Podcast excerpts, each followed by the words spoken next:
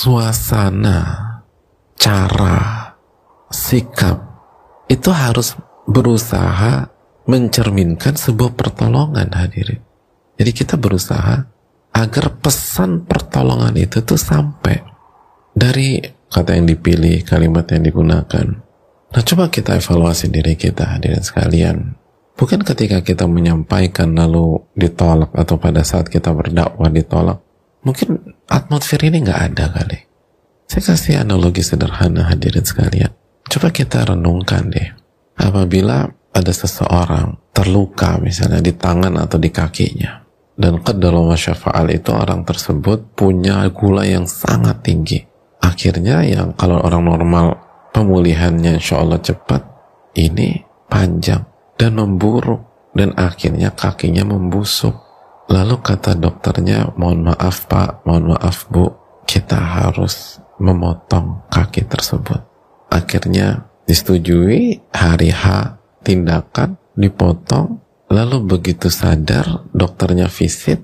Terus kata dokternya alhamdulillah tindakan berhasil. Lalu di situ ada pasiennya ada anak-anaknya. Terus semua mengatakan terima kasih ya dok.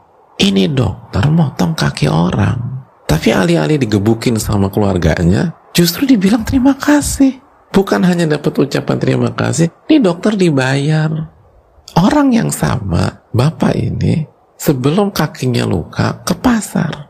Di pasar ada yang dorong tubuhnya. Marah nih bapak. Besoknya ke pasar lagi. Ada yang sengaja nginjak jempol kakinya. Ngamuk bapak ini juga. Nah ini kan menarik hadirin. Pas didorong dia marah. Pas jempolnya diinjak dia marah juga. Eh pas kakinya dipotong bilang terima kasih. Padahal yang lebih menyakitkan yang mana? ya dipotong kakinya lebih menyakitkan. Tapi kenapa justru diucapkan terima kasih? Jawabannya adalah salah satunya karena misi Pak Dokter adalah menolong. Dan pesan itu benar-benar sampai dengan clear dalam diri si bapak itu dan di keluarganya. Nah kok kenapa pas jempolnya diinjak marah? Karena suasananya bukan suasana pertolongan, atmosfernya bukan pertolongan, atmosfernya menyakiti menzolimi, ah, marah orang. Bersikap tidak sopan, didorong, marah.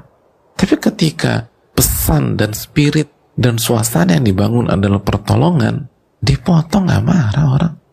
Nah ini kan pertanyaan tajam bagi diri kita semua hadirin. Ketika kita menyampaikan, ketika kita mengajak, siapa pun itu, sudahkah pesan itu jelas terasa?